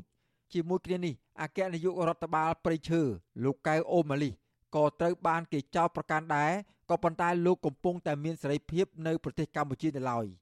មេធាវីដាកូតាខាន់ ធ្វើការនៅក្រុមហ៊ុនផ្ដល់ជំនួយផ្នែកច្បាប់ Akingham ដែលមានមូលដ្ឋាននៅក្នុងរដ្ឋធានី Washington សហរដ្ឋអាមេរិកដែលទទួលបានប្រាក់ខែ60000ដុល្លារអាមេរិកក្នុងមួយខែចាប់តាំងពីខែមករាមកដើម្បីបញ្ចុះបញ្ចូលរដ្ឋាភិបាលអាមេរិកឲ្យមានទំនាក់ទំនងល្អជាមួយនឹងរដ្ឋាភិបាលលហ៊ុនសែនក៏ត្រូវបានចាត់ឲ្យការពីក្តីលោកគ្រីមកផលដែរនៅក្នុងលិខិតសំណើមួយដែលបានដាក់ទៅតុលាការសហព័ន្ធនៅតុលាការទីក្រុងញូវយ៉ក កាលពីថ្ងៃទី30វិច្ឆិកាមេធាវីលោកគ្រីម៉ាផល បានដាក់ចេញនៅលក្ខខណ្ឌស្នើសុំនៅក្រៅឃុំ ដោយបដូរមកឲ្យនៅស្ថានទូតខ្មែរវិញសំណើដែលគាំទ្រដោយលិខិតចុះហត្ថលេខា ពីឯកអគ្គរដ្ឋទូតកម្ពុជា លោកកៅឈៀបានលើកឡើងថា ស្ថានទូតកម្ពុជានឹងទទួលខុសត្រូវចំពោះការចំណាយផ្សេងផ្សេងរបស់លោកគ្រីម៉ាផលពេញ24ម៉ោងក្នុងមួយថ្ងៃក្នុងបរិវេណស្ថានទូតកម្ពុជា រហូតដល់មានការកោះហៅទៅតុលាការ ស្ថានទូតនឹងអនុញ្ញាតឲ្យមន្ត្រីរដ្ឋាភិបាលសហរដ្ឋអាមេរិកចេញចូលស្ថានទូតដើម្បីបញ្ជាក់វត្តមានរបស់លោកគ្រីម៉ាផល ក្រោមកិច្ចព្រមព្រៀងនេះ ការអនុញ្ញាតនេះបានន័យថាលោកកៅឈៀយល់ព្រមលះបង់អភ័យឯកសិទ្ធិការទូតរបស់ស្ថានទូតដែលធានាក្រោមច្បាប់អន្តរជាតិថាបុគ្គលិកនិងការិយាល័យរបស់ស្ថានទូត នឹងមិនត្រូវបានទទួលរងនឹងការស្វែងរកការចាប់ខ្លួនឬការជ្រៀតជ្រែកពីអាជ្ញាធរជាប្រទេសម្ចាស់ផ្ទះឡើយលោកកៅឈៀបានសរសេរនៅក្នុងលិខិតធានាថាសម្រាប់គោលបំណងនេះស្ថានទូតនឹងលុបចោលនៅអភ័យឯកសិទ្ធិការទូត និងអភ័យឯកសិទ្ធិផ្សេងទៀតទាំងអស់ដែលមិនរារាំងចំពោះការចេញចូលរបស់ភ្នាក់ងាររបស់រដ្ឋាភិបាលសហរដ្ឋអាមេរិកនៅក្នុងបរិវេណស្ថានទូតនោះឡើយលោកកៅឈៀបានសរសេរទៀតថាការផ្ដល់ជូននេះ ត្រូវបានគ្រប់គ្រងដោយសិទ្ធិអំណាចពេញលេញពីរដ្ឋាភិបាលកម្ពុជាវិទ្យុអាស៊ីសេរីនៅពុំទាន់អាចសុំការអធិប្បាយពីអ្នកនាំពាក្យក្រសួងការបរទេសលោកជុំសុនារី បាននៅឡើយទេដោយលោកបានបញ្ជូនឲ្យទៅសួរស្ថានទូតខ្មែរវិញ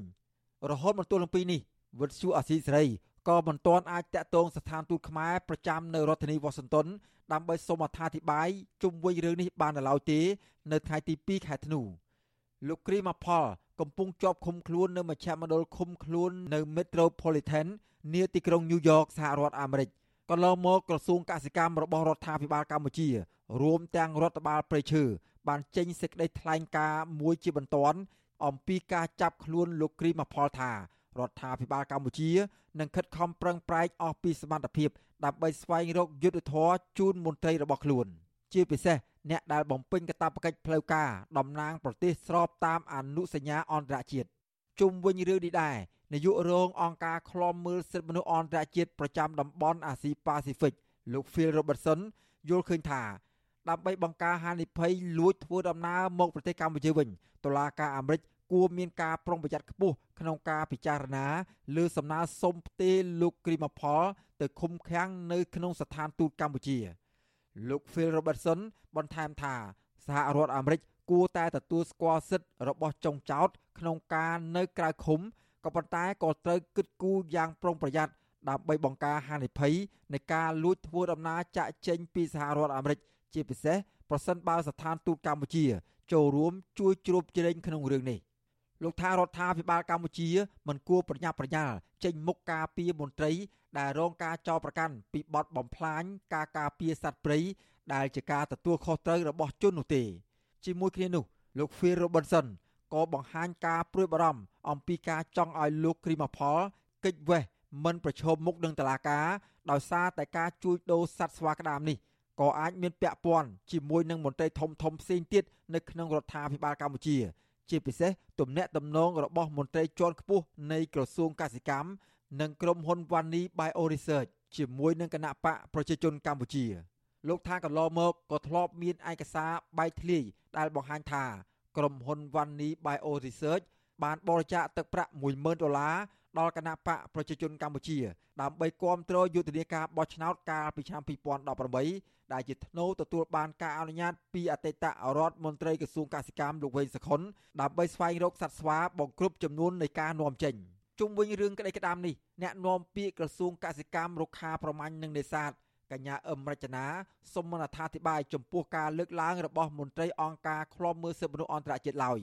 ទោះយ៉ាងណាកញ្ញានៅតែបន្តអះអាងថាការនាំចេញសត្វស្វាក្តាមទៅកាន់សហរដ្ឋអាមេរិកកន្លងមកគឺធ្វើឡើងដោយស្របទៅតាមច្បាប់ជាតិនិងអន្តរជាតិនិងដោយគោរពតាមអនុសញ្ញាស្តីពីការហាម5ការធ្វើពាណិជ្ជកម្មអន្តរជាតិលើប្រភេទសត្វនិងរុក្ខជាតិព្រៃ ដែលប្រឈមនឹងការជិតផុតពូជហៅកាត់ថាសៃតេសក្រសួងកសិកម្មបានខិតខំប្រឹងប្រែងនឹងបាន ស្វែងរកមេធាវីដើម្បីការពីក្តីជូនដល់មន្ត្រីរបស់យើងដើម្បីឲ្យលោកទទួលបានយុត្តិធម៌ដោយសហការយ៉ាងជិតស្និទ្ធជាមួយនឹងក្រសួងការបរទេសកម្ពុជា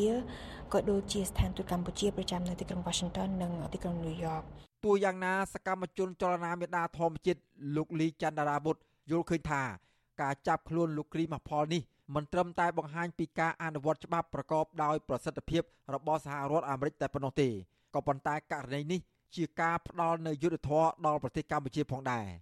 លោកថាកន្លងមកសកម្មជនបរិស្ថានខ្មែរធ្លាប់បានជាប់ពន្ធនាគារដែលមានស្ថានភាពលំបាកជាងនៅពន្ធនាគារសហរដ្ឋអាមេរិកឆ្ងាយណាស់គណៈមន្ត្រីរដ្ឋាភិបាលនិងឈ្មោះធំធំដែលបានសហការគ្នាបំផ្លាញបរិស្ថានធនធានធម្មជាតិ មិនដែលត្រូវបានចាត់វិធានការតាមផ្លូវច្បាប់នោះឡើយខ្ញុំសង្ឃឹមថាករណីនេះជាករណីទី1ដែល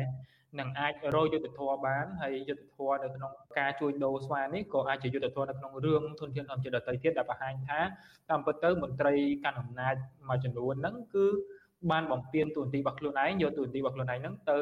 រំលោភបំពានធនធានធម្មជាតិហើយធ្វើទុកបុកម្នេញទៅលើកម្មជនបដិឋានពិតប្រាកដមែនកន្លងមករបាយការណ៍អន្តរជាតិជាច្រើនបានរកឃើញថា រដ្ឋាភិបាលកម្ពុជា បានបង្កើតប្រព័ន្ធការពារគ្នាទៅវិញទៅមកជាមួយនឹងក្រមមន្ត្រីរដ្ឋាភិបាល និងឈ្មួញធំធំដោយបានរំលោភទៅលើច្បាប់ជាតិយ៉ាងធ្ងន់ធ្ងរដើម្បីទាញយកធនធានធម្មជាតិនិងបានចែកភាគលាភគ្នាទៅវិញទៅមក សកម្មជនបដិឋានលើកឡើងទៀតថាករណីឃុំខ្លួនមន្ត្រីជាន់ខ្ពស់នៃក្រសួងកសិកម្មនេះគឺជាសក្ខីកម្មមួយដែលបង្ហាញថា ធនធានធម្មជាតិនៅកម្ពុជាជាច្រើន កំពុងត្រូវបានទាញយកនិងបំផ្លាញដោយគ្មានតម្លាភាព ហើយត្រូវបានការពារដោយរដ្ឋាភិបាលខ្ញុំបាទសេកបណ្ឌិតវុទ្ធុអាស៊ីសេរីពីរដ្ឋធានីវ៉ាស៊ីនតោន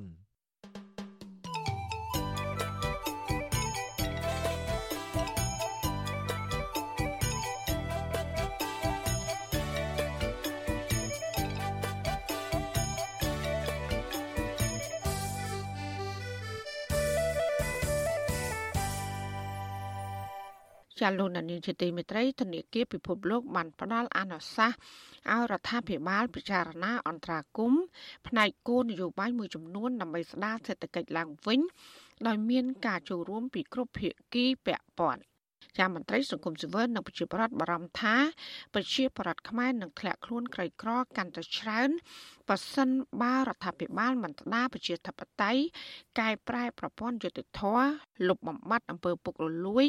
និងរកទីផ្សារកសិផលជាដើមចាលោកទីនសាករាយាមានសេចក្តីរាយការណ៍ពិស្ដារជំវិញព័ត៌មាននេះ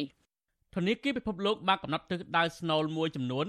បញ្ជាក់អារម្មណ៍អរដ្ឋាភិបាលកម្ពុជាយកចិត្តទុកដាក់អន្តរាគមន៍ ពង្រឹងកិច្ចគាំពារសង្គមផ្ទេរសាច់ប្រាក់តាមគោលដៅកំណត់ ការវិនិយោគវិស័យសុខាភិបាល និងវិស័យអប់រំឲ្យមានប្រសិទ្ធភាពជាដើមធនាគារពិភពលោកបានផ្សាយរបាយការណ៍ស្រាវជ្រាវថ្មីមួយទៀតវាតម្លៃភាពក្រីក្រក្រមចំណងជើងថាស្ដារសេដ្ឋកិច្ចកម្ពុជាឲ្យកាន់តែមានភាពបរិយាបន្ននិងភាពធន់ជាងមុនរបាយការណ៍នេះបង្ហាញថាក្នុងរយៈពេល10ឆ្នាំគិតចាប់តាំងពីឆ្នាំ2009ដល់ឆ្នាំ2019 អត្រាភាពក្រីក្ររបស់កម្ពុជាបានធ្លាក់ចុះពីកម្រិត33.8%មកនៅត្រឹម17.8%ដែលជួយបរដ្ឋជិត2លាននាក់បានរួចផុតពីភាពក្រីក្រប៉ុន្តែនៅរយៈពេល2ឆ្នាំចុងក្រោយនេះបរដ្ឋជាង460,000នាក់ធ្លាក់នៅក្នុងភាពក្រីក្រមន្ត្រីសង្គមស៊ីវិលនិងប្រជាពលរដ្ឋរស់នៅតាមខេត្តមួយចំនួនទទូចអរដ្ឋាភិបាលបន្ទន់អេរិយាប័តទទួលយកអនុសាសន៍និងគ្រប់ភាគីពាក់ព័ន្ធ អនុវត្តឲ្យមានប្រសិទ្ធភាពដើម្បីកាត់បន្ថយភាពក្រីក្រពួកគាត់បារម្ភថាវិបត្តិដីធ្លីអយុធធម៌សង្គមការបំផ្លាញធនធានធម្មជាតិតម្លៃកសិផលធ្លាក់ថ្លៃនិងអំពើពុករលួយ ជាកត្តាសំខាន់រុញច្រានឲ្យជីវភាពបរដ្ឋខ្មែរកាន់តែក្រីក្រដែលទាមទាររដ្ឋាភិបាលពិចារណាដោះស្រាយបញ្ហាទាំងនេះនាយកប្រតិបត្តិអង្គការដំឡាភិបកម្ពុជាលោកពេជ្រពិសីចាត់ទុករបាយការណ៍នេះឆ្លុះបញ្ចាំងពីការពិត ដែលតម្រូវអរដ្ឋាភិបាលត្រូវអនុវត្តគោលនយោបាយជាតិសំខាន់សំខាន់យកចិត្តទុកដាក់ជួយបរដ្ឋក្រីក្រដែលងាយរងគ្រោះលោកថារដ្ឋាភិបាលគួរដោះស្រាយបញ្ហាអយុត្តិធម៌សង្គមជាចំណុចចាំបាច់ដើម្បីពង្រឹងការទទួលបានយុត្តិធម៌ជូនបរដ្ឋរងគ្រោះហើយត្រូវពិនិត្យមើលវិស័យយុត្តិធម៌មួយចំនួនទៀតរួមមានវិវាទដីធ្លីការផ្ដាល់បានកម្មសិទ្ធិដីធ្លីជូនបរដ្ឋការផ្ដល់សេវាសាធារណៈឲ្យមានតម្លាភាពនិងលុបបំបាត់អំពើពុករលួយ ដើម្បីជួយដល់កសិករដែលកំពុងតែជួបឧបសគ្គទាំងនេះចឹងជាយុទ្ធសាស្ត្រធំមួយគឺយើងត្រូវជួយជ្រោមជ្រែងក្រុមដែលងាយរងគ្រោះនឹងដើម្បីកុំឲ្យពួកគាត់នឹងធ្លាក់នៅក្រៅបន្ទាបបន្ទាន់នៃភាពក្រីក្រព្រោះឥឡូវហ្នឹងពួកគាត់មែនតែនទៅអ្នកខ្លះគឺធ្លាក់ចូលទៅហើយហើយអ្នកខ្លះនៅប៉ំប៉ំបាទនៅគៀកនឹងបន្ទាត់នៃភាពក្រីក្រហើយអាចធ្លាក់បើសិនជាមិនមានគោលនយោបាយនៅក្នុងការជួយជ្រោមជ្រែងពួកគាត់ទេរបាយការណ៍ធនាគារពិភពលោកបន្ថែមថាការកើនឡើងប្រាក់ចំណូលមិនមែនកសិកម្មរួមមាន វិស័យទេសចរកាត់ដេរនិងសំណង់មានចំណែកធំក្នុងការកាត់បន្ថយភាពក្រីក្ររីឯកំណើនដែលនាំមុខគឺពាណិជ្ជកម្មនិងការវិនិយោគបានជួយទ្រទ្រង់ដល់ការផ្លាស់ប្ដូរជារចនាសម្ព័ន្ធឆ្ពោះទៅការបង្កើតការងារដែលមានប្រាក់ខែកាន់តែប្រសើរផ្នែកពាណិជ្ជកម្មនិងផ្នែកសេវាកម្មពាក់ព័ន្ធនឹងរឿងនេះដែរជនជាតិដើមភាគតិចរនៅខេត្តភូមិភាគឦសាន គឺលោកឋានវ៉នអះអាងថា ការថយចុះទំហំព្រៃឈើធ្វើឲ្យបរដ្ឋកាន់តែក្រីក្រ ដោយសារតែបាត់បង់ទីកន្លែងអាស្រ័យផលធនធានធម្មជាតិរួមមានដងជ័រទឹករកឃ្មុំរកថ្នាំបុរាណរកអនុផលប្រៃឈើនិងត្រីសាច់ជាដើមលោកទទូចអរដ្ឋាភិបាលលុបបំបាត់បទល្មើសព្រៃឈើនិងអភិរក្សព្រៃឈើឲ្យបានច្បាស់លាស់ដើម្បីស្ដារព្រៃឈើឡើងវិញដែលជាប្រភពប្រាក់ចំណូលសេដ្ឋកិច្ចយ៉ាងសំខាន់របស់ជនជាតិដើមភាគតិច ទី1បងធនាគារទី2សេដ្ឋកិច្ចធ្លាក់ចុះទី3បាត់ព្រៃឈើ3នាក់នោះហើយដែលដែលនាមធ្វើឲ្យប្រជាពលរដ្ឋមានទុកកង្វល់រឿងព្រៃឈើបើដូចពីមុនពីមុនប្រហែលជាង10ឆ្នាំមុនវាមានព្រៃឈើគឺមានទីលំនឹងដូចជាដងជួរទឹករអស់រផ្ដៅវឬក៏របស់វត្ថុអីដូចក្នុងព្រៃយើងអាចរលក់បានតែឥឡូវវាអត់មានរីឯបរដ្ឋនៅខេត្តសៀមរាបលោកសៀមវ៉ាន់សង្កេតឃើញថា បរដ្ឋធ្លាក់ខ្លួនក្រីក្រកើនឡើងដោយសារតែផលិតផលគ្មានទីផ្សារនាំចេញសមរម្យហើយបរដ្ឋពិបាករកការងារធ្វើក្នុងស្រុកដែលទទួលបានប្រាក់ចំណូលសមរម្យលោកថាបច្ចុប្បន្នកសិករកំពុងតែផង់ខ្លួននឹងបំណុលពិបាកនឹងរើបំរាស់បង្ខំចិត្តឲ្យកូនកូនឈប់រៀនធ្វើចំណាក់ស្រុកនៅក្រៅប្រទេសហើយកសិករខ្លះទៀតលក់ដីស្រែពីគេដូនតាឪពុកម្ដាយជាដើម ដើម្បីដោះស្រាយបំណុលចង់ឲ្យប្រទេសខ្មែរយើង ឲ្យរដ្ឋាភិបាលរៀបចំមុខរបរឲ្យកសិករយើងមានទីផ្សារដូចជាធ្វើស្រូវស្រូវមានតម្លៃធ្វើទន្លងទន្លងមានតម្លៃឡើងចឹងណាហើយធ្វើទនេទនេមានតម្លៃធ្វើពូជពូជមានតម្លៃអានេះវាតម្លៃលឺហៅថានេះទុននឹងថ្លៃវាឡើងចុះរែងរងងាយហើយដូចស្រូវទឹងតែនងយកចេញមិនចង់បានទេ1គីឡូ6 200មិនចង់យកទៀតបាទវាថាចេះវាថាចុះដូចជានៅកម្មកសិករយើងវាទៅបានណាធ្វើទឹងតែមិនរួចថ្លៃជីទេអត់ទេពាក្យវិនរាគានៅសាចុយណាមិទ្យុអសិរ័យមិនអាចតាក់ទងសំការបំភ្លឺពីរឿងនេះពីប្រធានអង្គភិបអ្នកនាំពាក្យរដ្ឋាភិបាលលោកផៃសិផានដើម្បីសំសួរអំពីបញ្ហានេះបាននៅឡើយទេកាលពីថ្ងៃទី2ធ្នូប៉ុន្តែអ្នកនាំពាក្យគណៈបកប្រជាជនកម្ពុជាលោកសុកអេសានមានប្រសាសន៍ថាបរដ្ឋធ្លាក់ខ្លួនក្រីក្រយ៉ាងឆាប់រហ័សដោយសារការរាតត្បាតជំងឺ Covid-19 អត្តពលសង្គ្រាមនៅប្រទេសអ៊ុយក្រែននិងវិបត្តិនយោបាយជាសកលជាដើមលោកចាត់ទុករបាយការណ៍របស់ធនាគារពិភពលោកដែលផ្ដល់អនុសាសន៍ល្អៗដល់រដ្ឋាភិបាលកម្ពុជា ដើម្បីប្រាំងប្រាញទប់ទល់នឹងឧបសគ្គផ្សេងផ្សេងគឺជាអត្តពលអវិជ្ជមានពីខាងក្រៅទៅវិញ។រាជរដ្ឋាភិបាលគណៈបកប្រជាជនមិនដែលបដិសេធទេគឺតែងតែយកមកពិចារណាបាទហើយកន្លែងណាដែលពិចារណាទៅឲ្យត្រូវអនុវត្តនេះគឺរាជរដ្ឋាភិបាលលោកកែលម្អលោកបង្កើនគុណភាពនៃសកម្មភាពដឹកនាំរបស់ខ្លួនហើយកន្លែងណាដែលតិទៀនឬផ្ដល់មតិយោបល់អីទៅអាហ្នឹងគឺកន្លែងដែលមិនយកបានអាហ្នឹងរាជរដ្ឋាភិបាលលោកទាត់ចោល តើតើនៅរឿងនេះប្រធានសមាគមប្រជាធិបតេយ្យឯករាជ្យនៃសេដ្ឋកិច្ចក្រៅប្រព័ន្ធលោកវ៉ាន់ពៅយល់ថារដ្ឋាភិបាលគួរតែពិចារណាឡើងវិញក្នុងការស្ដារប្រព័ន្ធជំនួយសង្គមនិងកិច្ចគាំពារសង្គមជួយដល់បរិវត្តក្រីក្រដែលគ្មានការរើសអើងពិសេសបរិវត្តក្រីក្រដូចជាករណីទទួលបានសេវាព្យាបាលជំងឺពីពេទ្យរដ្ឋក្នុងតម្លៃទាបនិងមិនគិតប្រាក់ជាដើមលោកថាការរើសអើងនយោបាយជាហេតុផលមួយធ្វើឲ្យបរិវត្តកាន់តែក្រីក្រដែរដោយសារតែអាញាធររើសអើងបរិវត្តណា ដែលមិនគ្រប់គ្រងគណៈបកកាន់អំណាចហើយធ្វើបាបពួកគេដូចជាសកម្មជនបពប្រឆាំងជាដើម អត្រាវិបត្តិអត់ការងារធ្វើធ្វើឲ្យប្រជាពលរដ្ឋមួយចំនួនរោងចក្រត្រូវបិទទ្វារបខំចិត្តចំណាក់ស្រុកទៅក្រៅប្រទេសហើយអ្នកនៅក្រៅប្រទេសមួយចំនួនត្រឡប់មកវិញនៅនៅថៃអីអាហ្នឹងដែលធ្វើឲ្យក្រកាន់តែក្រទៅក្រទៅវិបត្តិដីធ្លីបាត់បង់ទុនធានធម្មជាតិបាត់បង់ជំរកស្នាក់នៅអីរបស់ពលរដ្ឋហ្នឹងហើយដែលធ្វើឲ្យពលរដ្ឋខ្មែរធ្លាក់ខ្លួនកាន់តែក្រទៅក្រទៅធនាគារពិភពលោកផ្ដល់អនុសាសន៍អរដ្ឋាភិបាលកម្ពុជាគួរពិចារណាអន្តរាគមន៍ផ្នែកគោលនយោបាយមួយចំនួន ដើម្បីគ្រប់គ្រងដល់ការស្ដារសេដ្ឋកិច្ចឡើងវិញដោយមានការចូលរួមពីគ្រប់ភាគីនិងធនជាងមុនបណ្ដាលមកពីការរាតត្បាតជំងឺ Covid-19 និងវិបត្តិសេដ្ឋកិច្ចសកល អន្តរាគមន៍ទាំងនោះរួមមានការផ្ទេរសាច់ប្រាក់តាមគោលដៅកំណត់វិធានការពង្រឹងកិច្ចគាំពារសង្គមការវិនិយោគលើវិស័យសុខាភិបាលនិងការអប់រំជាដើមប្រធានគ្រប់គ្រងការិយាល័យធនាគារពិភពលោកប្រចាំនៅកម្ពុជាលោកស្រី Mariam Salim ថ្លែងនៅក្នុងរបាយការណ៍ថាបរដ្ឋខ្មែរជាច្រើនគ្រួសារ ស្ថិតនៅក្នុងស្ថានភាពងាយរងគ្រោះនៅឡើយដោយសារពួកគាត់មិនសូវមានប្រាក់សន្សំឬគ្មានគោលនយោបាយការពារផ្នែកសង្គមជំងឺ Covid-19 បានរុញថយក្រោយវិញនៅវឌ្ឍនភាពរបស់កម្ពុជា ក្នុងការប្រយុទ្ធនឹងភាពក្រីក្រ ដែលធ្វើឲ្យប្រជាពលរដ្ឋភាគច្រើនបាត់បង់ការងារនិងប្រាក់កម្រៃរបាយការណ៍បន្តថាលក្ខខណ្ឌជីវភាពនិងលទ្ធភាពទទួលបានសេវាកម្មជាមូលដ្ឋានដូចជាអគិសនីទឹកស្អាតអនាម័យសុខភាពនិងការអប់រំជាដើម មានភាពប្រសើរឡើងមួយភាគធំនៅក្នុងចំណោមប្រជាជនទូទៅ បន្ថែមពីនេះការកែលម្អស្ថានភាពទាំងនេះបានធ្វើឲ្យមានគម្លាតស្តង់ដារជីវភាពរស់នៅរបស់ប្រជាពលរដ្ឋនៅជនបទនិងទីប្រជុំជន កាន់តែរួមតូចជាងមុនធនាគារពិភពលោកឲ្យដឹងទៀតថាប្រជាពលរដ្ឋកម្ពុជាប្រមាណជាង20%ឬជាង3លាននាក់រស់នៅក្រោមបន្ទាត់ក្រីក្រនៅឡើយខ្ញុំទីនសាការីយ៉ាអស៊ីសេរីប្រធានីវ៉ាស៊ីនតោន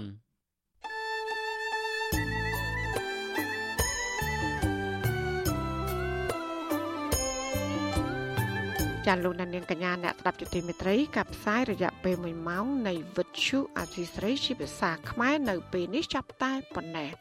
ចាយើងខ្ញុំទាំងអស់គ្នាសូមជូនពរលោកនាងព្រមទាំងក្រុមគូសាទាំងអស់សូមជួបប្រកបតែនឹងសេចក្តីសុខសេចក្តីចម្រើន ជានិរន្តរ៍